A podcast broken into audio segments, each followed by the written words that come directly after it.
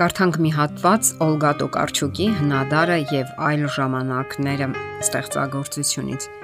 Երևակայելն ըստ էության արարում է։ Նյութն ու հոգին միացնող կամուրջ։ Մանավանդ եթե հաճախադեպ է եւ երանդագին։ Այդ ժամ պատկերը փոխարկվում է մի կաթիլ նյութի եւ միանում կյանքի հորձանքին։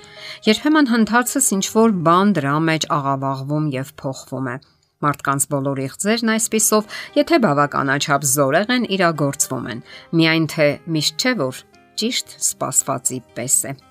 Աստվածաշունչը հորդորում է. Այսուհետև եղբայրներ, ինչ որ ճշմարիտ է, ինչ որ պարկեշտ, ինչ որ արդար, ինչ որ սուրբ, ինչ որ սիրուն, ինչ որ բարի անուն թե առաքինություն եւ թե գովություն, այն մտածեցեք։ Պարզվում է, որ մտքերը ուժ ունեն եւ այն էլ հսկայական ուժ։ Նրանք ընդունակ են ազդելու իրադարձությունների վրա եւ ավելին կերտելու իրադարձություններ։ Այսօր շատերն են խոսում այդ մասին, մտքի ուժի մասին։ Մտքի ուժով փորձում են հարստանալ, դառնալ նշանավոր, կարգավորել իրենց կյանքը։ Պարզվել է նաեւ, որ մեր մտքերն ազդում են մեր առողջության վրա վհատությունը, հիասթափությունը եւ հուսահատությունը, դեպրեսիվ վիճակները կարող են լուրջ առողջական հիմնախնդիրների պատճառ դառնալ։ Աստվածաշնչում Սողոմոն թագավորի առակներում կարդում ենք. Ուրախ սիրտը օգտակար է ինչպես դեղ, բայց կոտրած սիրտը ոսկորները կչորացնի։ Իսկ ինչպես են մտքերն ազդում իրադարձությունների վրա։ Հարցն այն է, որ մենք նախ ծրագրավորում ենք եւ հետո կյանքի կոչում մեր գաղափարները, իսկ գաղափարները ծնվում են մեր ուղեղում։ Աստված մարդուն տվել է կամքի ազատություն, անելու այն, ինչն իր համար ճիշտ է թվում։ Թեև այդ արարքները միշտ չէ որ համահունչ են նրա կամքին։ Հովանեսի ավետարանում կարդում ենք. Առանց ինձ չեք կարող ոչինչ անել։ Սա նշանակում է, որ որքան էլ մենք ջանքեր թափենք եւ որքան էլ փորձենք հաջողության հասնել մեր մտքի ուժով, ոչինչ չենք կարող անել առանց Աստծո օգնության կամ առանձնահատուկ օրհնության։ Ահա թե ինչու, որքան էլ կարևոր լինեն տրամադրվածությունը եւ ցանկությունը, անհրաժեշտ է Աստվածային միջամտություն։ Հարցն այն է, որ մեղսագործությունից հետո սատանան նույնպես իշխանություն է ձեռք բերել մարդու մտքերի եւ որոշ իրադարձությունների վրա եւ կարող է ուղղորդել դրանք ըստ իր ցանկության։ Այդ նա է, որ հիվանդություններ է տարածում, պատճառ դառնում տարերային աղետների, բռնությունների, սպանությունների ու պատերազմների։ Սատանայի համար բարդ չէ վատ, չար ու անմաքուր մտքեր ներշնչել մարդուն, ազդել նրա մտքերի վրա, եւ երբ նա դժբախտություններ է բերում մարդուն, այն տպավորությունն է ստեղծվում, թե մեր մտքերն են այդ բոլորի պատճառը։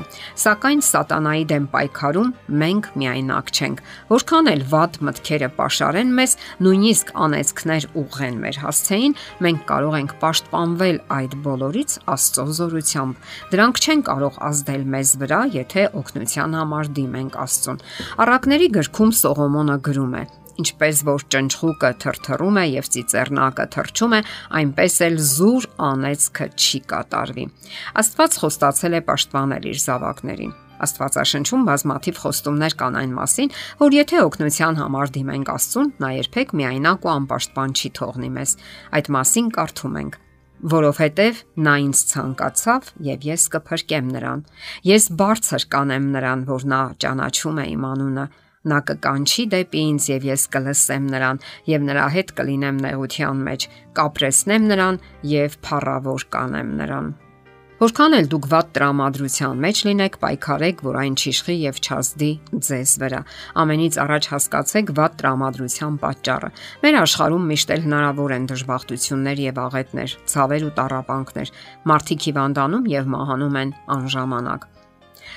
Ոչ մի մարդ ապահովագրված չէ այդ ամենից, Սակայն Աստծո մեջ մենք կարող ենք ապավինություն գտնել։ Մեզ կարող են ապաշարել վատ մտքերը եւ վատ կանխազգացումները, Շատ մարդիկ հայտարարում են. «Սիրտս վատ բան է գուշակում» եւ սկսում են մտածել, որ դա անպայման պետք է տեղի ունենա սակայն շատ ավելի ճիշտ է անմիջապես դիմել Աստծուն եւ պաշտպանություն խնդրել։ Խնդրել, որ ինքը կառավարի իրադարձությունները եւ իր ձեռքը վերցնի ցանկացած իրավիճակ։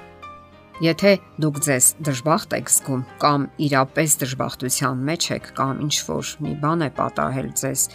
խնդրեք Աստծուն, որ մխիթարի ձեզ սատարի եւ ուշ տա դիմանալու փորձություններին։ Պատմեք նրան ձեր դժբախտության, ձեր խնդիրների, ձեր դժվարությունների մասին, կիսվեք նրա հետ։ Աստվածաշնչից ոգեշնչող եւ հուսադրող հատվածներ կարդացեք։ Իմացեք, որ ինչպիսի դիվային ծրագրեր էլ որ խորհի սատանան ձեր եւ ձեր մերձավորների հանդեպ Աստված իզորու է ոչնչացնելու այդ բոլոր ծրագրերը նա բազմաթիվ խոստումներ ունի այն մասին թե ինչպես կարող է օգնության հասնել եւ ազատագրել ձեզ օրհնություններ թափել այնքան որ դնելու տեղ անգամ չունենաք Հակոբոս Արաքյալը գրում է. Հնազանդվեցեք Աստծուն հակառակ կացեք սատանային եւ նա